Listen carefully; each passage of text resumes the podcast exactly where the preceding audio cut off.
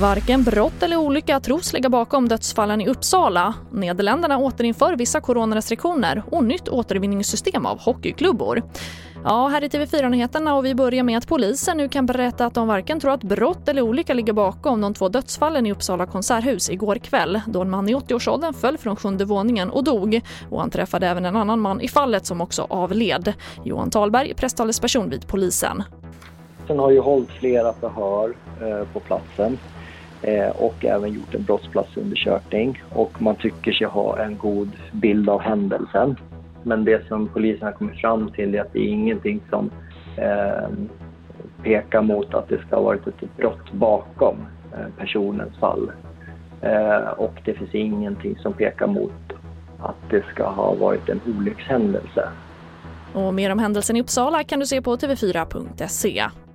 Och Nederländerna inför återigen krav på munskydd och en och en halv meters avstånd. Antalet covid-smittade i landet har ökat markant sen förra veckan med 39 procent. Och det innebär att Nederländerna blir ett av de första länderna i Västeuropa som återinför coronarestriktioner. Och människor uppmanas nu också att återigen jobba hemifrån oftare och undvika rusningstrafik. Dessutom kommer det krävas vaccinpass och munskydd på fler ställen än tidigare. Och vi avslutar med att nu kan svensk ishockey bli mer miljövänlig. Forskare i Luleå håller på att ta fram en ny metod för att återvinna alla de hundratusentals hockeyklubbor som varje år slängs i soporna. Och forskarna hoppas på ett återvinningssystem där materialet kan användas i nya produkter.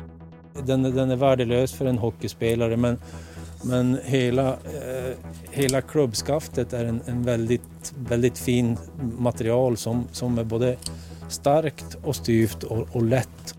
Vad kan den här klubban bli då?